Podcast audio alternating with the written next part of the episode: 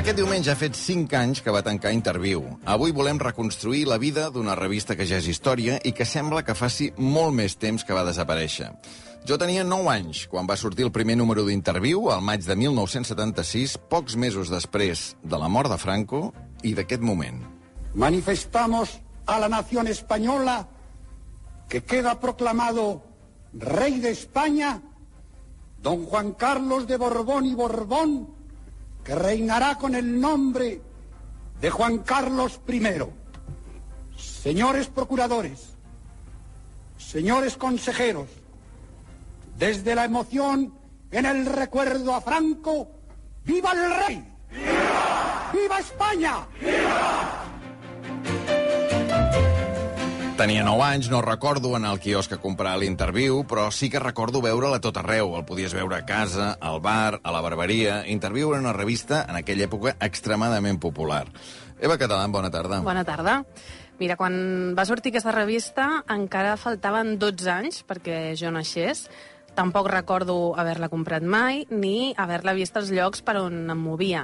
Ja havien passat els grans anys d'interviu. Interviu neix a Barcelona, se l'inventa l'editor del grup Z, Antonio Asensio, en un moment en què després de 40 anys de dictadura, és a dir, feia mesos, només que s'havia mort Franco, s'havien de guanyar espais de llibertat. I això es feia de moltes maneres, per exemple, amb concerts com el de Llach al Palau d'Esports.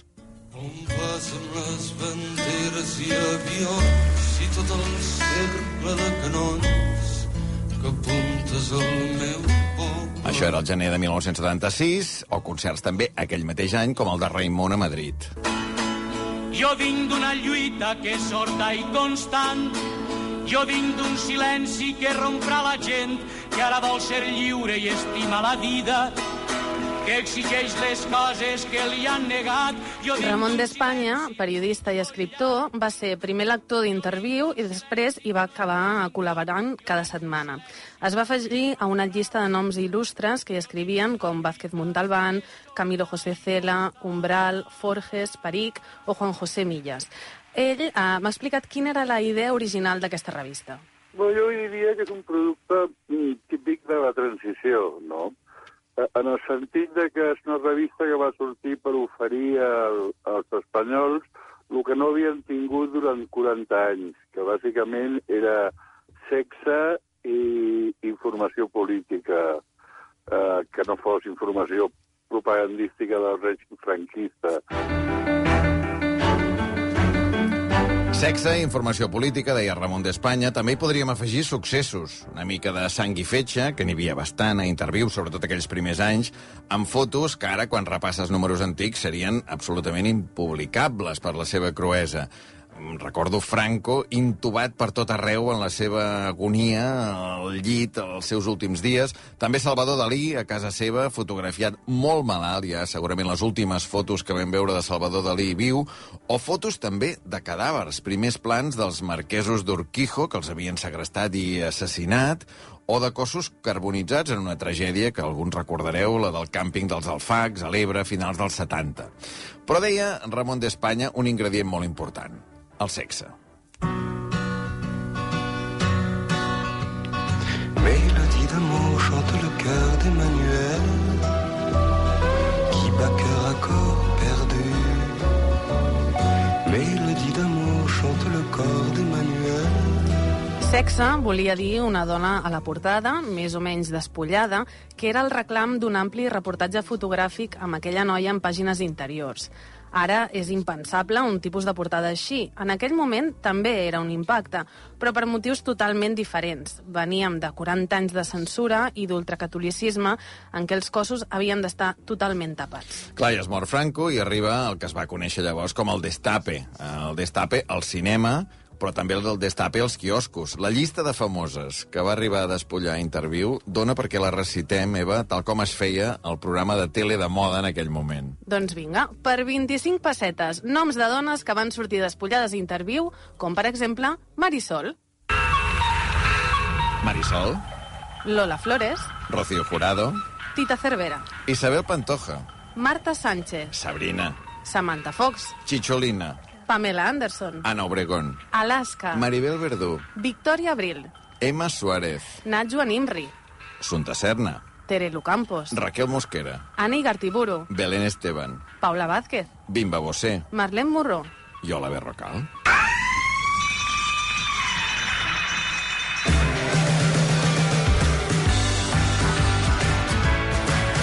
Clar, vindria allò de campana i se acabó, eh, però de fet no s'acabaria, perquè la llista és interminable. Són 42 anys d'interviu, són 2.042 números de la revista, per tant, 2.042 portades. He parlat també amb el fotògraf Meeting d'Interviu, el César Lucas, ara té 82 anys, i li he demanat per què sortien despullades tantes dones tan famoses, que en, aqu que en alguns casos no havien fet mai abans i tampoc ho tornarien a fer després.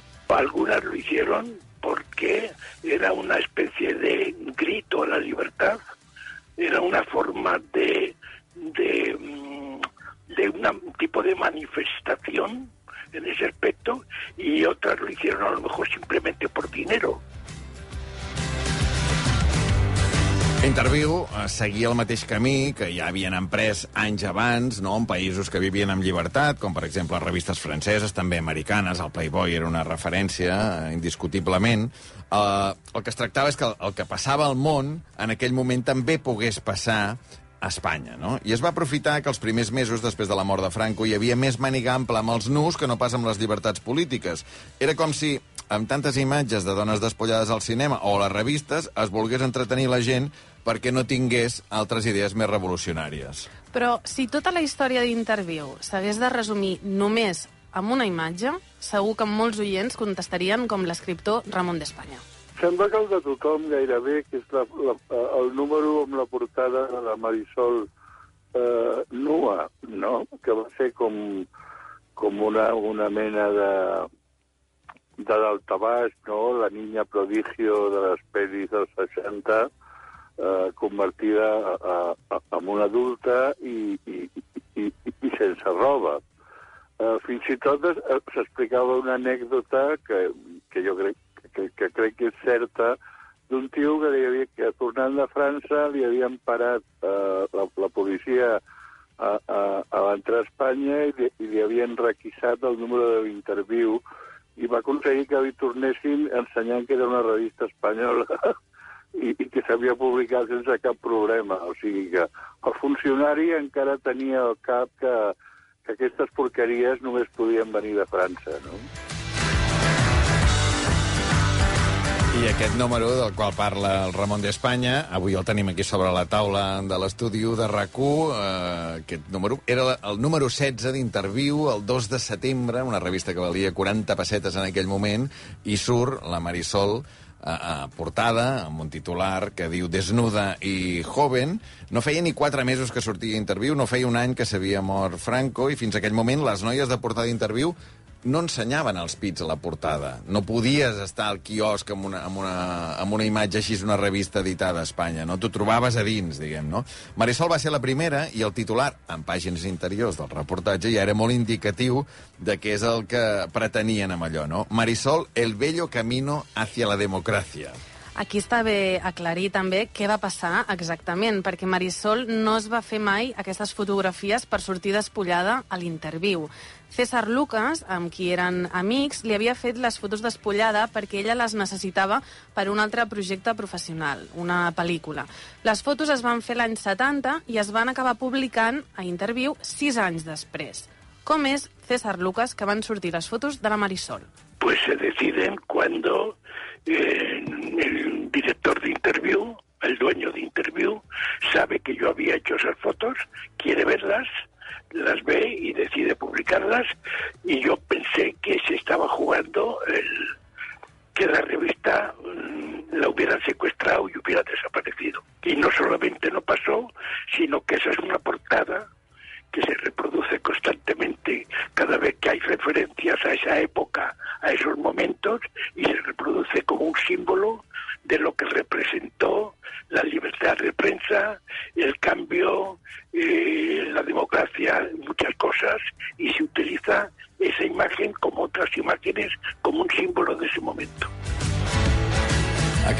Que César Lucas li va fer a Marisol despullada va tornar a ser portada d'interviu precisament en el número especial de quan va tancar la revista, el 29 de gener de 2018. Aquest diumenge ha fet 5 anys. Si el 1976, per això, la foto a la portada era en color, el 2018 era en blanc i negre, no? aquest negre, aquest dol, perquè era el final d'interviu. Són fotos aquestes de Marisol, com recordava també el fotògraf, que tornem a veure cada vegada que es parla del pas de la dictadura a la democràcia. És com si Marisol s'hagués convertit, sense voler-ho ella, en la Maria Mariana espanyola. Interviu, de fet, va fer negoci de males maneres amb unes fotos de Marisol sense el seu consentiment. L'impacte va ser tan bèstia que aviat farà 50 anys i encara n'estem parlant. I no t'estranyi que el dia que es mori Marisol aquesta foto sigui portada en algun diari. Todo pasa y todo queda, pero lo nuestro es pasar, pasar haciendo caminos camino sobre la mar. Dèiem que el sexe no era l'únic reclam d'aquesta revista, de l'interviu. Per exemple, en aquest mateix número que tinc a les mans, el de la Marisol a portada, hi havia una entrevista de 5 pàgines a Joan Manuel Serrat, a qui estem escoltant, que acabava de tornar de l'exili. S'havia passat un any a l'exili i quan torna a l'Empordà van entrevistar-lo 5 pàgines dedicades a Joan Manuel Serrat. Aquesta barreja de continguts, que era interviu, la va definir molt bé l'escriptor Manuel Vázquez Montalbán, que hi va escriure durant molts anys. Deia que Interviu era com una panera de Nadal on podies trobar des d'una llauneta de caviar a un xoriço, tot molt ben embolicat amb un paper de celofà. Entre el caviar, com deia Vázquez Montalbán, que podies trobar en aquella revista, hi havia els reportatges de Xavier Vinader, un dels grans periodistes d'investigació que ha donat Catalunya. Interviu en aquell moment s'atrevia a publicar allò que potser altres mitjans encara no gosaven. Per exemple, les investigacions de Xavier Vinader que connectaven l'ultradreta i els cossos policials a Espanya. L'any 1983, Xavier Vinader està exiliat a París. La justícia espanyola l'ha condemnat a 7 anys de presó per imprudència temerària professional amb resultat de dos assassinats. Un reportatge seus publicats a la revista Interviu havien causat una gran polèmica. Basant-se en declaracions de l'expolicia nacional Francisco Ros Frutos, Vinader va denunciar amb noms i cognoms la guerra bruta parapolicial contra el nacionalisme basc. L'expolicia va ser víctima d'un atemptat i setmanes després ETA va assassinar dos ultres, un dels quals havia estat esmentat en els reportatges. En comptes d'investigar la guerra bruta, la justícia espanyola va processar l'expolicia i el periodista.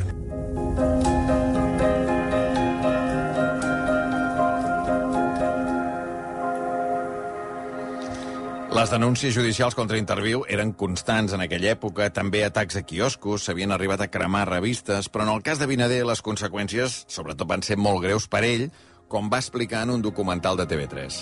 Em vaig convertir, malgré, malgré moi, pesar meu, amb el primer exilat de la democràcia espanyola, no?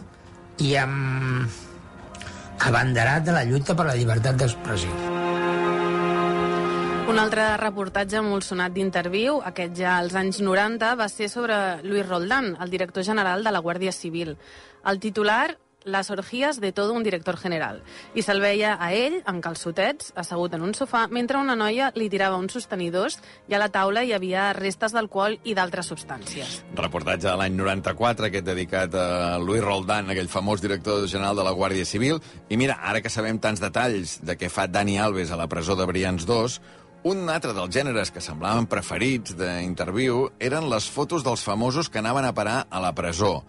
Dones despullades d'una banda i homes a la presó, que també donaria, si ens hi poséssim no ens hi posarem, però també donaria per un 1, 2, 3 perquè n'hi van sortir moltíssims. Eh? Sí, sí, un festival. Uh, Ruiz Mateos, per exemple, netejaven la presó. Tejero fent esport. Javier de la Rosa al pati amb altres presos. El Duque de Fèria a la seva cel·la o Luis Bárcenas fent gimnàs. La corrupció també va ser un altre dels filons que va explotar la revista, eh, que va tenir 13 directors en 42 anys. El primer director d'interviu va ser Antonio Álvarez Solís, tot homes, aquests 13, menys una dona, Teresa Viejo. Teresa Viejo, a qui molts coneixem, de presentar magazins a, a la tele, escrivia una columna setmanal sobre els homes a Interviu, fins que un dia li arriba l'oferta per dirigir la revista. Solo podía hacerlo Interviu. Esto también me lo explicaron. Que una revista de ese cariz apostara por una mujer al frente solo podía permitírselo Interviu porque Interview transgredía e iba por delante de, de los deseos de la sociedad, si quieres. O sea, los olfateaba y decía, va, ¿vais por ahí? Pues yo doy dos pasos donde vosotros dais uno.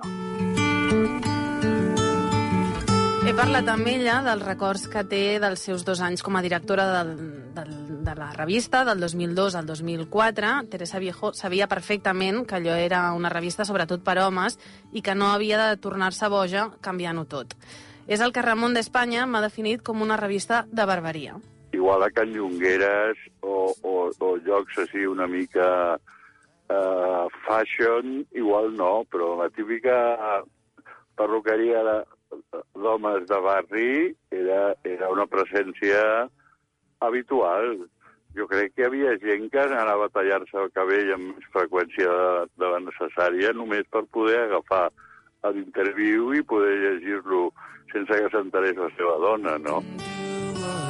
Tenim aquesta revista de barbaria que diu a Ramon d'Espanya, però jo he volgut demanar-li a Teresa Viejo com funcionava això dels nus.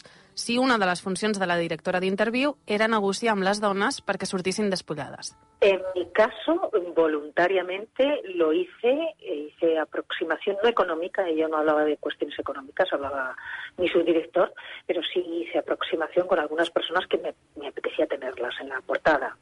Menciono a Ani Gartiburu, Miriam Díaz Aro- Aroca, María José Suárez, eh, sin nombres que, que, fueron muy, muy la propia Belén Esteban, ¿no? Que Belén se resistía porque habíamos publicado, y, y la, y la propia eh, el, propio consejo editorial del grupo se resistía. Ya teníamos, eh, cuando antes de llegar tú me decían, ya habíamos eh, publicado un robado, pactado de esos de la playa y decía, pero esto de qué estás hablando? Si yo no estoy diciendo demostrar carne, yo estoy diciendo vamos a convertir a la princesa del pueblo en princesa de verdad. Boníssim, això, eh? La princesa del pueblo la vamos a convertir en princesa de verdad.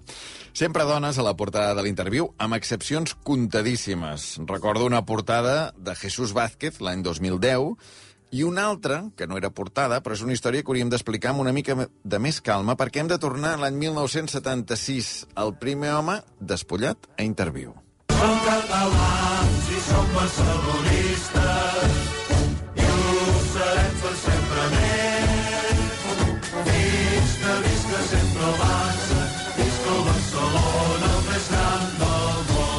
l'himne que es va fer pels 75 anys del Barça, que va ser el 1974, i dos anys després, el 76, eh, us heu d'imaginar el que parlàvem amb el Xavi Bosch abans, no? Un home, Tarzán Migueli, que portava el 3 a l'esquena, que era una bèstia, que era el central del Barça, una mena de Puyol o Piqué d'aquella època. Doncs bé, a la quarta setmana de publicar-se Interviu, Àlex Botines va escriure un reportatge denunciant la corrupció al futbol espanyol. El reportatge es titulava El futbol al desnudo, i la doble pàgina que obria el tema, que avui també tenim aquí davant, amb un altre número de, de col·leccionista, era una foto de Migueli. Aquesta foto que m'agradaria, Eva, que, que descrivissis aquesta foto que tenim a doble pàgina, eh? Home, eh, es veu un, un tros d'home, de Migueli, que entenc per què li deien Tarzán, està estirat a sobre d'una banqueta de fusta amb, un, amb una tovallola amb els colors del Barça a sota el cul, eh, despullat, de pèl a pèl, no porta res, ni una peça de roba, ni una pulsera, res, despulladíssim, i només hi ha una pilota blanca i negra que li tapa el que vindria a ser la carn d'olla. Això va ser un impacte tremendo, seria ara, imagina't el que devia ser el 1976, són unes fotos fetes... Llavors, si continues el reportatge, no parla més de Migueli, eh? parla de la corrupció al futbol espanyol de l'època, no hi ha cap entrevista amb ell, no és allò que dirien un posado de, de Migueli, sinó que són unes fotos fetes per un fotògraf francès, que igual que en el cas de Marisol, tampoc eren per ser publicades a interviu. Però en aquells moments, qualsevol cosa era bona per vendre. Jo he estat repassant aquesta, aquesta revista, la foto de Migueli i una mica els altres articles, i atenció, perquè és que he trobat una joia, que és una entrevista a Bàrbara Rey en el moment del seu gran boom com a actriu i cantant. La primera tarde que te vi, ya de ti me enamoré.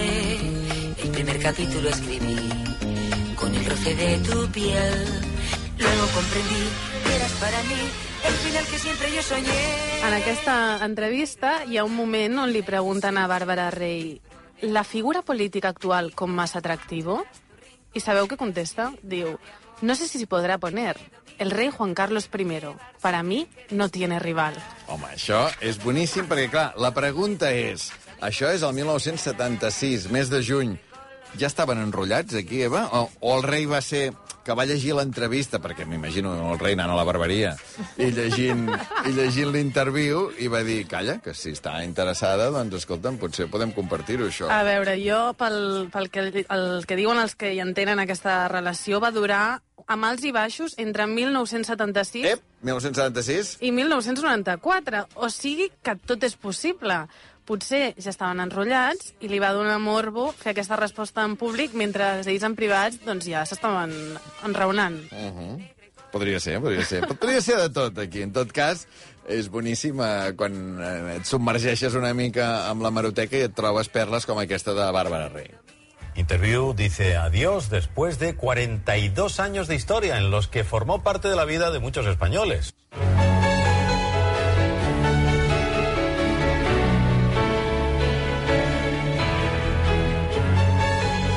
Sentíem Matías Prats a Antena 3 eh, dient això, eh, que Interviu s'acabava. Això va passar el 29 de gener de 2018, fa 5 anys, però sembla, segons com a vegades, que en faci 20 que no hi ha Interviu. Eh? L'última portada, de fet, va ser per una catalana, una noia de Reus, Mari Marcova, dependenta d'una botiga de roba, almenys en aquell moment, que havia guanyat el títol de xica Interviu unes setmanes abans.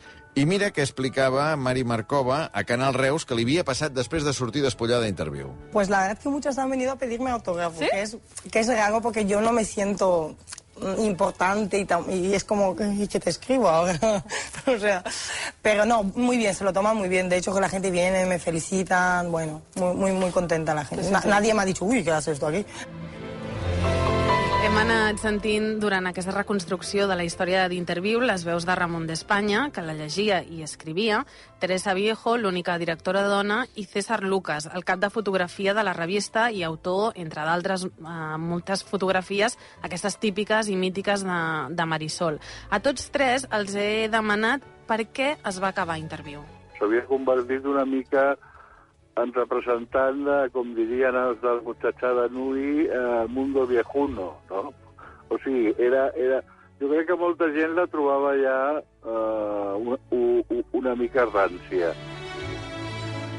pretender mirar con las gafas del, del año 23 el interview de los años eh, 80, vamos, el interview que dirigí yo, o sea, yo ahora mismo tú me dices, dirige interview, tienes, bueno, yo hago otra publicación. Primero que no lo hago porque mi vida ya está en otra cosa, me estoy doctorando en psicología, yo me dedico a otra cosa. Eh, y al mismo tiempo no haría esa publicación. Bueno, pero eso ha pasado también con el cine, ¿no? El cine tuvo una época, en el principio de los años 80, pues que el cine, cualquier cosa que había en el cine era cualquier cosa con tal de que salieran desnudos. Ese tipo de cine ya ha pasado a la historia, ya no se hace tampoco. Pues por eso, porque en aquel momento hacía falta de pronto una rebelión y una rebelión que se identificaba en una serie de cosas. Y eso ya ha pasado y esa rebelión hoy ya no es necesaria.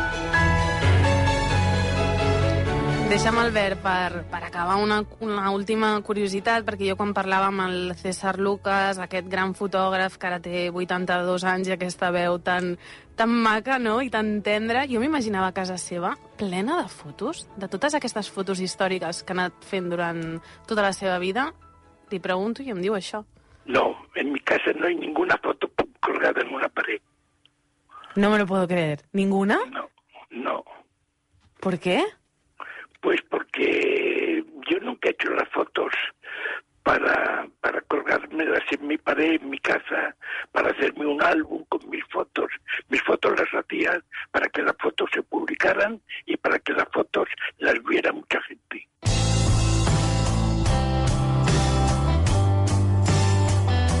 Doncs boníssim aquest detall final d'imaginar-nos una casa diferent a la que tu tenies al cap, Sí, eh? sí, totalment. No, no hi ha la Marisol quan entres allà amb una paret. La història d'interviu que avui hem volgut revisar a Islàndia, que va començar a Barcelona el 1976 amb la idea d'Antonio Asensio, no? el fundador del, del grup Z, i que es va acabar aquest diumenge. Ha fet 5 anys, el 29 de gener de 2018, amb aquesta última portada protagonitzada, mira, casualment, aquelles coses de la vida, per aquesta noia de Reus, aquesta dependenta d'una botiga de, de roba.